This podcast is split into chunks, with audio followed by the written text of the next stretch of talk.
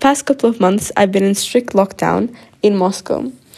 An experience that can be simply put out into three words perhaps exhausting, lonely, and comfortable. And I know that that sounds horrible, but when you're sitting somewhere where you have no one and know no one except a small amount of family, it can get that way.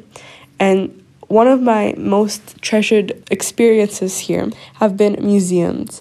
Museums that I've went to in all over the country, everywhere I've traveled.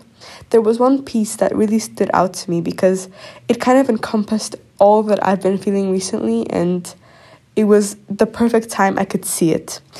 It was in a modern art museum in St. Petersburg and the whole museum is very interesting. It's very witty and very creative. So every time you walk into a new hall, you never know what to expect. You can see paintings paired with colors unimaginable and sculptures that are made of sound. But all of this didn't impress me. Of course it did, but there was one thing that stood out that I thought about on the way back in the car. It was a hall and it was just surrounded by simple paintings, but right in the middle, right as you walk in, you see a body on the ground.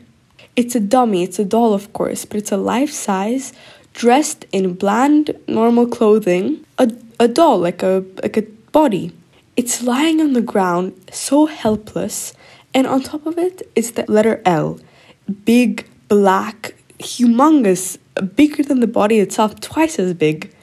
It's bulky, it's 3D, has really sharp edges, black, black, shiny, and looking at it just distresses you. You look back at the body in its grey sweater, grey pants, looking so helpless and destroyed by this huge weight that has been pressed upon its chest.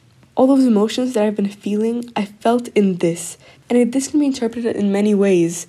Perhaps the big L means life and how life always gets us down and this big weight. For me, I thought of it as all the things that I had to do and all the work I was behind, but I could not do it because of the position I was in, of not being at home, of loneliness, of being uncomfortable, and I still think about it. And I think that everyone can place themselves in the body of that dummy, of that doll, in that clothing, lying helplessly face front on the ground.